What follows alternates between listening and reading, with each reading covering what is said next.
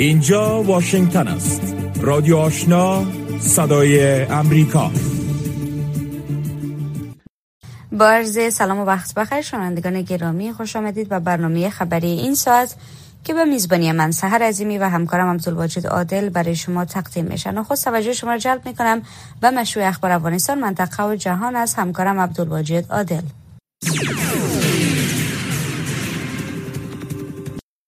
سلام شنوندگان عزیز اخبار این ساعت رادیوی آشنای صدای امریکا را به توجه می رسانم برنامه جهانی غذای سازمان ملل متحد از کمک 25 میلیون پوندی بریتانیا و آیلند شمالی برای عملیات اضطراری این سازمان در افغانستان خبر داد. برنامه جهانی غذا روز جمعه با نشر اعلامیه گفت که این پول از طریق دفتر امور خارجه مشترک المنافع و توسعه در اختیار این سازمان قرار گرفته است. در اعلامیه آمده است این بودجه که حدود 28.8 میلیون دلار می شود برای عملیات اضطراری برنامه جهانی غذا برای 15 میلیون افغانی که در زمستان امسال با ناامنی غذایی روبروست اختصاص خواهد یافت. برنامه جهانی غذا گفته است که پس از گذشت یک سال از مشکلات اقتصادی بی سابقه و آفات طبیعی مانند خشکسالی زلزله و سیل انتظار می رود که وضعیت وخیم بسیاری از خانواده های افغان در ماه آینده وخیمتر شود. لرد طارق احمد وزیر دولت بریتانیا در امور شرقی میانه جنوب آسیا و سازمان ملل متحد گفته است تخمین می شود که حمایت نجات دهنده اخیر بریتانیا به حدود 650 هزار نفر کمک کند تا از طریق توزیع غذایی برنامه جهانی غذا از زمستان سخت در افغانستان عبور کنند به ویژه آسیب پذیرترین افراد و کسانی که در مناطق دورافتاده زندگی می کنند. از سوی هم روزا اتنبایووا نماینده ویژه سرمنشی سازمان ملل متحد برای افغانستان برای بازدید از مناطق زلزله زده پکتیکا و نظارت از روند کمک رسانی در آن مناطق به آن ولایت سفر کرده است. دفتر نمایندگی سازمان ملل متحد برای افغانستان یوناما روز جمعه چهارم نوامبر در صفحه تویتر خود نوشت که خانم اتنبایووا ضمن صحبت با خانواده های آسیب دیده از زلزله از روند تلاش ادارات مختلف سازمان ملل متحد جهت فراهم کردن غذا و سرپناه در آنجا نظارت کرده است. رادیوی آزادی خبر می دهد که قرار است در اوسط ماه نوامبر روسیه نشستی را در مورد افغانستان برگزار کند. اما از حکومت سرپرست طالبان برای اشتراک در این نشست دعوت نشده است. شرح بیشتر از مومن خان واحدی. خبرگزاری تاس روسیه به نقل از زمیر کابلوف نماینده ویژه روسیه برای افغانستان نوشته است. این نشست به نامه نشست های پیشین چهارچوب مسکو است. اما این بار نشست پیشرو با این تفاوت برگزار می شود که از طالبان در آن دعوت نشده در حالی که در نشست های پیشین این چهارچوب در اکتبر سال 2021 طالبان شرکت داشتند اکنون زمیر کابلوف می‌گوید روسیه، چین، هند، ایران، پاکستان، قزاقستان، قرقزستان، تاجکستان، ترکمنستان و ازبکستان از شرکت کنندگان این نشست هستند. در نشست های پیشین مسکو در مورد مسائل امنیتی، بشری، اقتصادی و اجتماعی افغانستان بحث شده است. اشتراک کنندگان نشست های پیشین در ماه اکتبر سال 2021 از طالبان خواسته بودند که یک حکومت فراگیر را شکل دهند. مکاتب دختران را باز کنند و اجازه ندهند که از خاک افغانستان به ضد کشورهای دیگر استفاده شود اما زبیح الله مجاهد سخنگوی حکومت سرپرست طالبان روز جمعه به رادیو آزادی گفت هرچند آخرین اطلاعات این نشست با آنها شریک نشده اما از برگزاری آن استقبال می کنند وزارت امور مهاجرین و عودت کنندگان حکومت طالبان از افزایش برگشت و اخراج اجباری مهاجرین افغان از ایران خبر داده و گفته است که در جریان یک هفته گذشته هزاران نفر دوباره به افغانستان برگشتند. این وزارت ناوقت روز پنجشنبه با نشر گزارش روزانه خود گفته است که از تاریخ چهارم تا یازدهم اقرب بیش از 22 هزار مهاجر افغان توسط پلیس ایران بازداشت و دوباره به افغانستان بازگردانده شدند. و گفته این وزارت تنها در دو روز اخیر 3600 832 پناهجوی افغان از طریق مرز نیمروز و هرات وارد این کشور شده است. این وزارت اضافه کرد که همچنان به تاریخ نهم و دهم اقرب 4181 مهاجر افغان داوطلبانه و جبران به افغانستان بازگردانده شده است. اخبار منطقه و جهان را از رادیوی آشنای صدای امریکا میشنوید. بر اساس تبصره روزانه وزارت دفاع بریتانیا در مورد جنگ روسیه علیه اوکراین روسیه ممکن است آماده شلیک به اساکر در حال عقب نشینی و فرار خود در اوکراین باشد. در گزارش اطلاعاتی روز جمعه این وزارت آمده است به دلیل روحیه پایین و بیمیلی به جنگ نیروهای روسی احتمالا شروع به استقرار نیروهای مانع یا قطعات مانع شوند. این قطعات تهدید می‌کنند که به اساکری که عقب نشینی می‌کنند شلیک می‌کنند تا عملیات تهاجمی را انجام دهند. چنانچه این تکتیک در درگیری های قبلی توسط نیروهای روسی مورد استفاده قرار گرفته است. وزارت دفاع بریتانیا گفت اخیرا جنرال های روسی احتمالا از قماندانان خود می‌خواستند از سلاح علیه فراریان استفاده کنند. از جمله اجازه شلیک برای کشتن این افراد پس از اختار خواهند یافت. جنرال ها احتمالا می‌خواستند مواضع دفاعی خود را تا حد مرگ حفظ کنند. این وزارتخانه گفت که تکتیک شلیک به افراد فراری احتمالا گواهی بر کیفیت پایین، روحیه پایین و بینضباطی نیروهای روسی است. اردوی کوریای جنوبی اعلام کرد در حالی که تشنج در شب جزیره کوریا ادامه دارد. روز جمعه پس از شناسایی 180 فرمان تیارات نظامی کوریای شمالی که در شمال سرحد بسیج شده بودند جدهای جنگنده به حالت آماده باش قرار گرفت. سهرازیمی با شرح بیشتر. رئیس لویدرستیز های اردوی کوریای جنوبی گفت تیارات کوریای شمالی از ساعت 11 صبح به وقت محلی حدود چهار ساعت در چندین منطقه داخلی و در نزدیکی هر دو سواحل کوریایی شمالی شناسایی شدند در پاسخ به آن اردوی کوریای جنوبی می‌گوید که فورا 80 جت جنگنده از جمله جنگنده F-35 ای را مستقر کرده است ماه گذشته کوریای شمالی همچنین حدود ده تیاره جنگی را به قدری نزدیک به مرز فرستاد که باعث واکنش عملیاتی خودکار نیروهای هوایی کوریای جنوبی شد. اردوی کوریای جنوبی افزود این بار علاوه بر جت های جنگنده اسکرامبل حدود 240 تیاره امریکایی و کوریای جنوبی و مانورهای هوایی در مقیاس بزرگ ادامه دادند. اوایل روز جمعه کوریای جنوبی اعلام کرده که در پاسخ به تحریکات کوریای شمالی تمرینات نظامی موسوم به طوفان اوشور تا روز شنبه یک روز دیرتر از برنامه ریزی اولیه ادامه خواهد داشت. از روز چهارشنبه کره شمالی سی میزایل پرتاب کرده است. از جمله برخی از آنها که هشدار حمله هوایی و دستورات پناهگاه اضطراری را در کره جنوبی و ژاپن در قبال داشت. اردوی کره جنوبی اعلام کرد شب گذشته کره شمالی همچنین 80 گلوله توپخانه را به سمت یک منطقه مرزی آبی حساس در سواحل شرقی این کشور شلیک کرد. اولاف شولز صدر جرمنی با شی جی پینگ رئیس جمهور چین در پیکنگ امروز دیدار کرد. به گزارش اسوسییتد پرس سفر یک روزه شولز به چین به خاطر حمایت ضمنی پیکنگ از روسیه در جنگ اوکراین و برخی مسائل دیگر با انتقاد روبرو شده است. از صدر جرمنی که همراه با چندین تاجر این کشور به چین سفر کرده از سوی شی جی پینگ استقبال رسمی صورت گرفت. رئیس جمهوری چین گفت شولز در حالی به چین سفر کرد که هر دو کشور از روابط دیپلماتیکشان که از آن بیش از 50 سال میگذرد تجلیل می‌کنند. منابع روز پنجشنبه گفتند گروه هفت کشور ثروتمند و استرالیا توافق کردند که به جای پذیرش نرخ متغیر زمانی که سقف قیمت نفت روسیه را در اواخر این ماه نهایی می کنند قیمت ثابت را تعیین کنند. مقامات ایالات متحده و کشورهای گروه هفت در هفته های اخیر مذاکرات فشرده را بر سر طرح بی سابقه برای تعیین سقف قیمت برای محموله های نفتی از طریق آبی انجام دادند که قرار است از پنجم دسامبر مورد اجرا قرار گیرد. این بود اخبار این ساعت از رادیوی آشنای صدای امریکا و حالا می رسیم به بخش گزارش های این ساعت. جنرال حیبت الله علیزی آخرین لیدرستیز نظام جمهوریت با تایید گزارش ها مبنی بر پیوستن نیروهای ویژه پیشینوان. در جنگ اوکراین می‌گوید که این نیروها با دلایل امنیتی و اقتصادی مجبور شدند از افغانستان فرار کرده و به جنگ های خارجی بپیوندند. همکارم ژیلا نوری با آقای علیزه مصاحبه انجام داده که با هم میشنویم. گزارش ما می‌بینیم که میگن نظامیان افغان در جنگ نیابتی در دیگر کشورها فرستادن و در جنگ مختلف نظامی پیشین مثلا نیروهای ویژه هم دخیل هستند و فعلا گزارش تازه آمده که روسیه برخی نظامیان در جنگ با اوکراین استخدام کردن. شما این گزارش ها رو دیدین؟ شما چطور یافتین؟ و شما چقدر این مسئله واقع داره تشکر خانم نوری خوش شدم بله این موضوع دقیق است حقیقت داره. این موضوع موضوع یک هفته پیش نیست.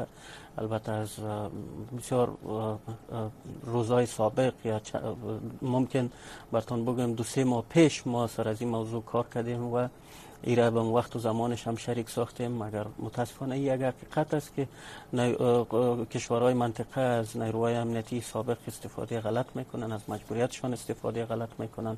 خصوصا همسایه های ما که نباید چنین بکنن. مگر متاسفانه که از, از, از حالت مجبوریت سربازای سابق ما استفاده می‌کنن. خب شما میگید که نیروهای ویژه افغان به کشور دیگه مثلا میرن جنگ می‌کنن.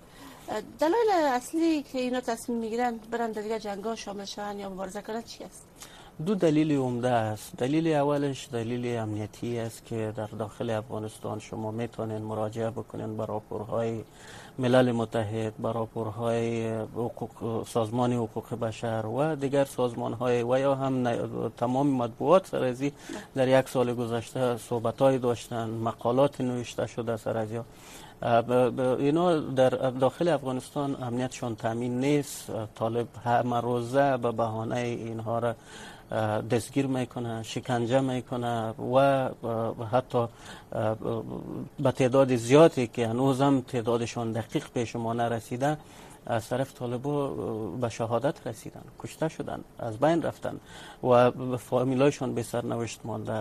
مجبور هستند که اینا از افغانستان براین فرار بکنن. موضوع دوم موضوع اقتصادی است فقر است.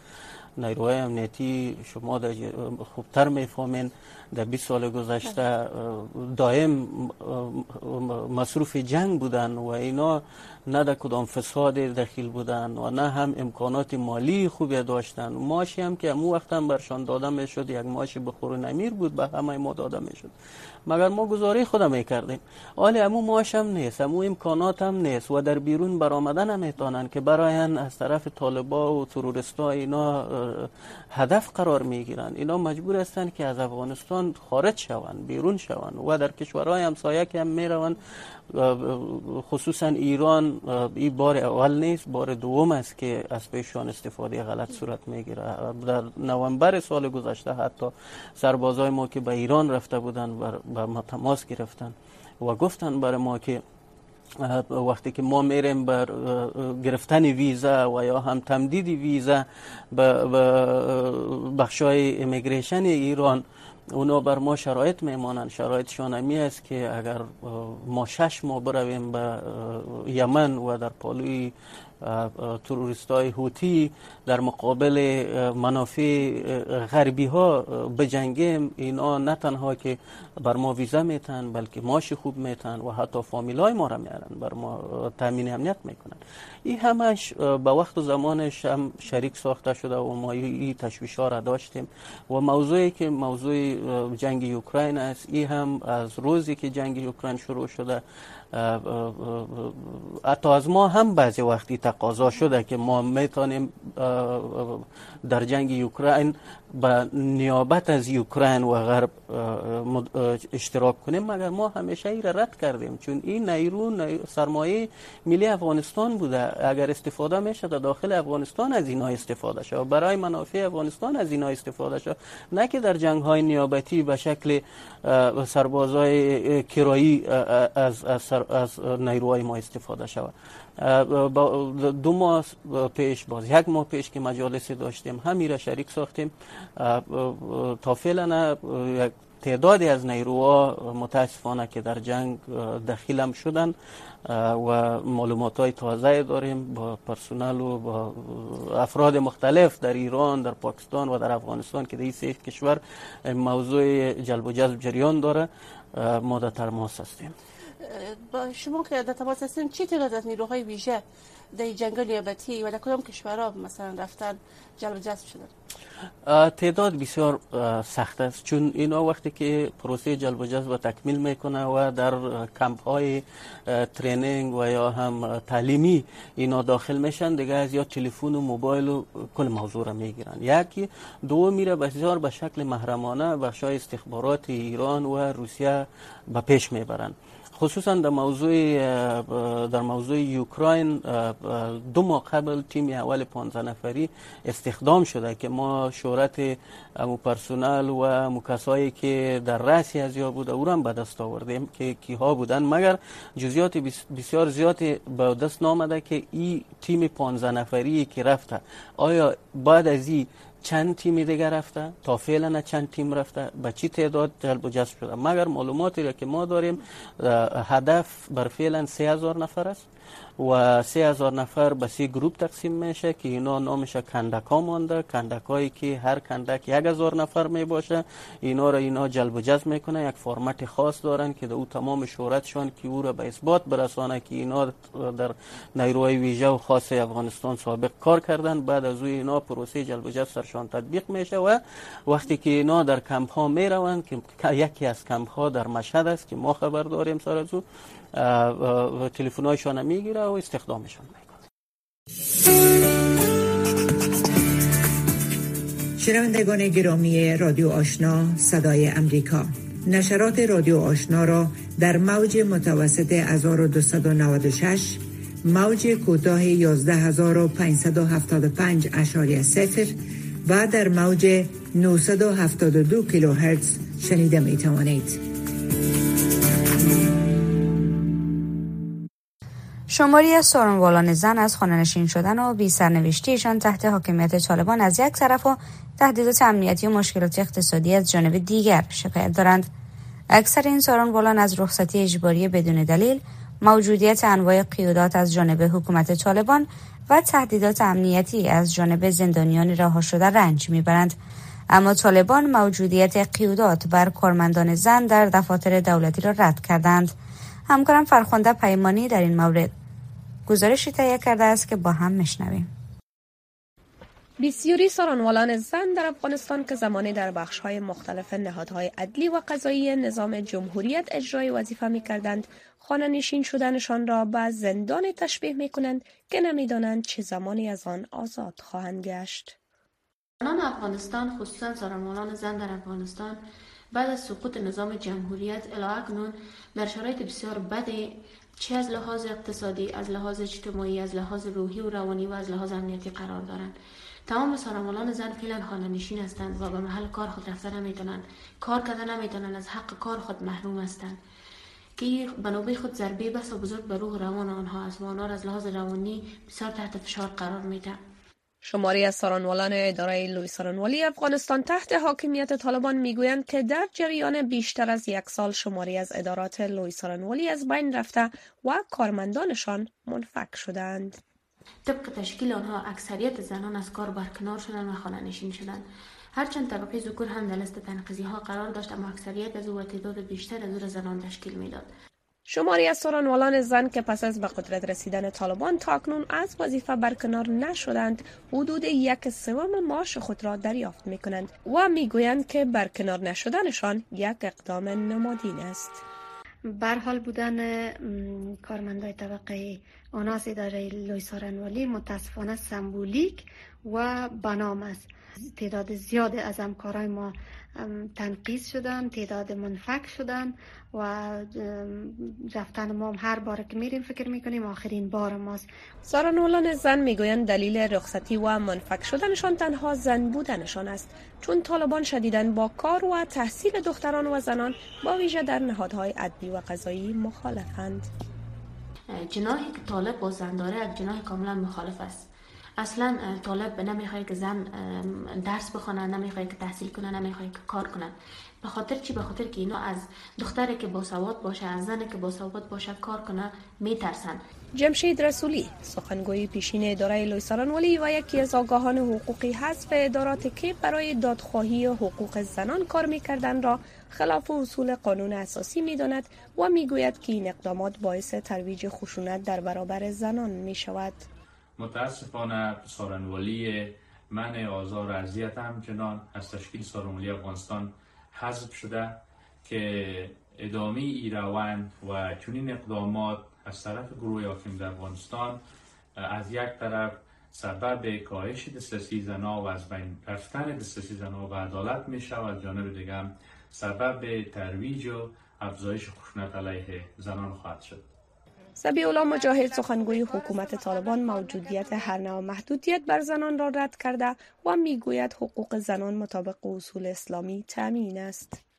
بعضی ساحات و بعضی ادارات دولتی که هنوز زمینه جداگانه یا جای جداگانه ساخته نشدن معاشات خانماد خانهشان تادیه میشه و همچنان کوشش صورت می‌گیره که تمام حقوق خانم که در اسلام برش تسجیل است رسیدگی صورت بگیره این در حال است که نصیر احمد فایق سرپرست نمایندگی دائمی افغانستان در ملل متحد ناوقت روز سهشنبه در مجمع عمومی ملل متحد که درباره گزارش سالانه شورای حقوق بشر این سازمان برگزار شده بود وضعیت زنان و دختران را در افغانستان شدیدا نگران کننده خواند و طالبان را به اعمال سیاست های اپارتاید جنسیتی و تعصب آمیز علیه زنان متهم کرد.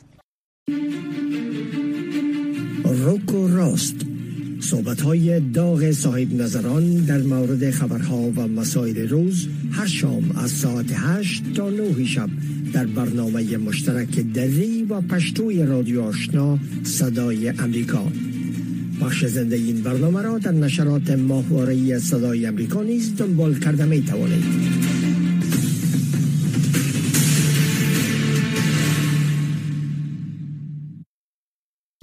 ایالات متحده کشوری است که بر اساس جدایی دین از حکومت ایجاد شده است اما برخی سیاستمداران و رهبران این کشور تلاش دارند تا مفکوره ربط دادن دین با حکومت داری را ترویج دهند. یعنی می‌خواهند ایالات متحده بر اساس اصول مسیحیت اداره شود. گزارشی در این مورد را از همکارم رویا زمانی بشنوید.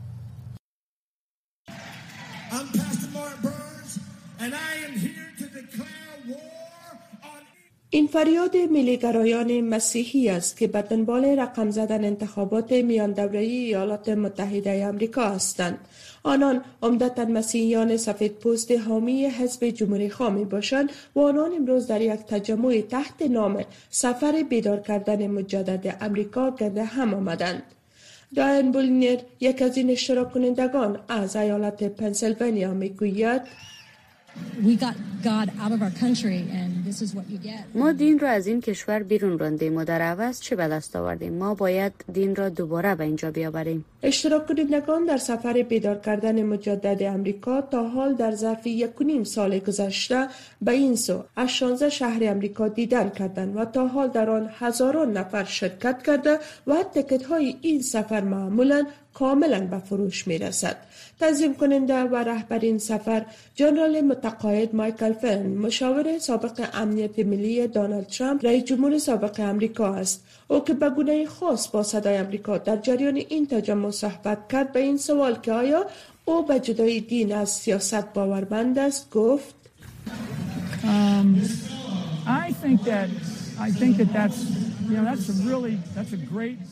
من فکر می کنم که واقعا این یک استدلال بزرگ قانونی است. آیا این در کدام بخش قانونی اساسی درج است یا خیر؟ ماده اول قانون اساسی ایالات متحده امریکا انفاذ دین توسط دولت را ممنوع قرار داده است و اینکه دین از سیاست جدا است توسط محکمه عالی ایالات متحده تایید شده است. اما فلن و شرکت کنندگان این راهپیمایی آن را رد کرده و می‌پرسند که مردم ما دین و کشور خود را دوست دارند. پس چه مشکلی با آن وجود دارد؟ جیم والز کشش مسیحی و استاد دانشگاه جورج تاون می‌گوید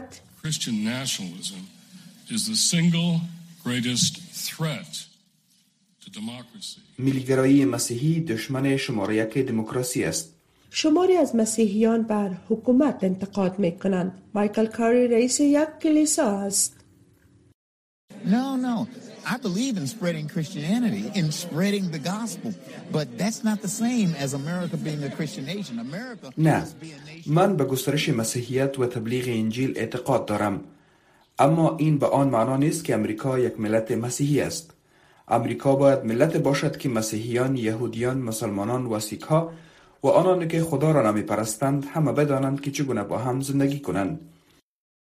افکار عمومی دیدگاه های مختلف را در مورد ملیگرایی مسیحیت نشان می دهد. یک نظرسنجی تحقیقاتی نهاد پیو نشان داده است که نزدیک به نیمی از مردم فکر می کنند که ایالات متحده باید یک ملت مسیحی باشد اما از میان چهار نفر سه آن می گویند که کلیساها نباید نمزدهای انتخاباتی که در مورد سیاست صحبت می کنند را تایید کنند. و یک نظرسنجی شبکه خبری 538 نشان می دهد که بیش از نیم مردمی که در این نظرسنجی اشتراک کردند می خواهند که حکومت جدایی دولت از مذهب را تایید کند.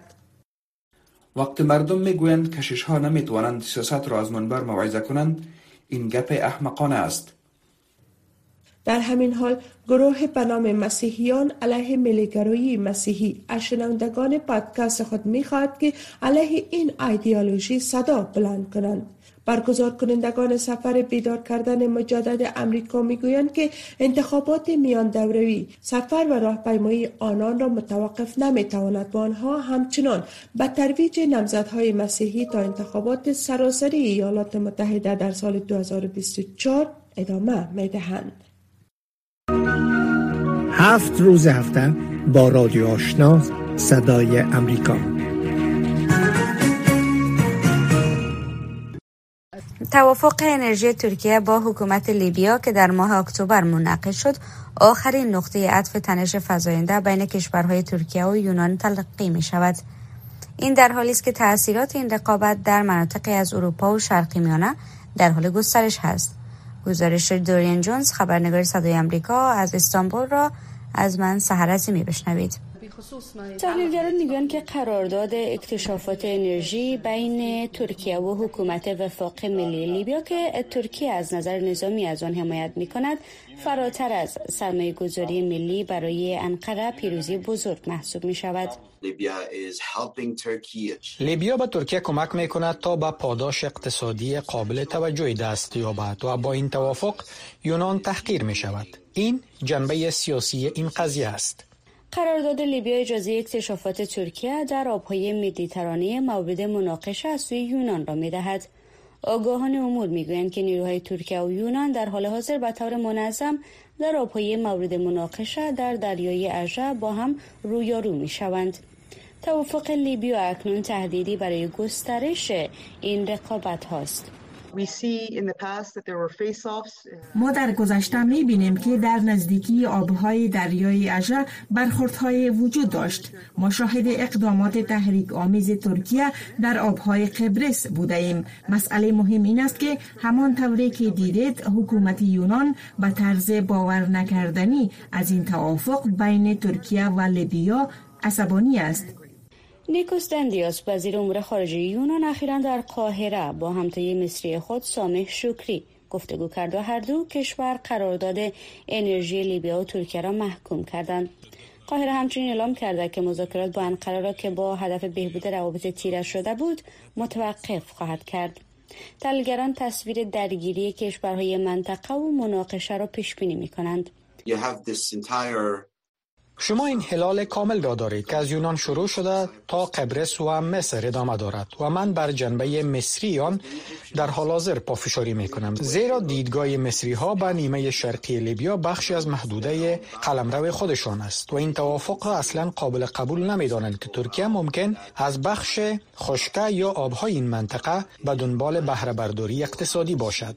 فرانسه متحد قوی یونان و مصر نیز توافق اخیر انرژی ترکیه و لیبیا را به عنوان نقص قوانین بین المللی محکوم کرده. هر دو طرف می دانند که این توافق ممکن است به یک جنگ تمام ایار منجر شود. زیرا شما فقط ترکیه و یونان را در مدیترانه شرقی ندارید. شما کشورهای دیگری هم در این منطقه دارید. شما فرانسه را دارید شما اسرائیل را دارید شما مصر را دارید می‌دانید. مدیترانه شرقی در حال حاضر یک منطقه جیوپولیتیک بزرگ است. بنابراین در آن مکان شما قرار نیست فقط دو بازیگر داشته باشید و انتظار تماشا از دیگران را داشته باشید. نقطه تنش بالقوه بعدی می‌تواند این باشد که انقره کشتی های تحقیقاتی انرژی خود را با آبهای مورد مناقشه یونان تحت قرارداد لیبیا بفرستد. اما مسلما به دلیل موجودیت حساسیت و خطرات فراوان در منطقه تحلیلگران پیش بینی می کنند که همه طرف ها برای اجتناب از هر گونه درگیری تلاش خواهند کرد.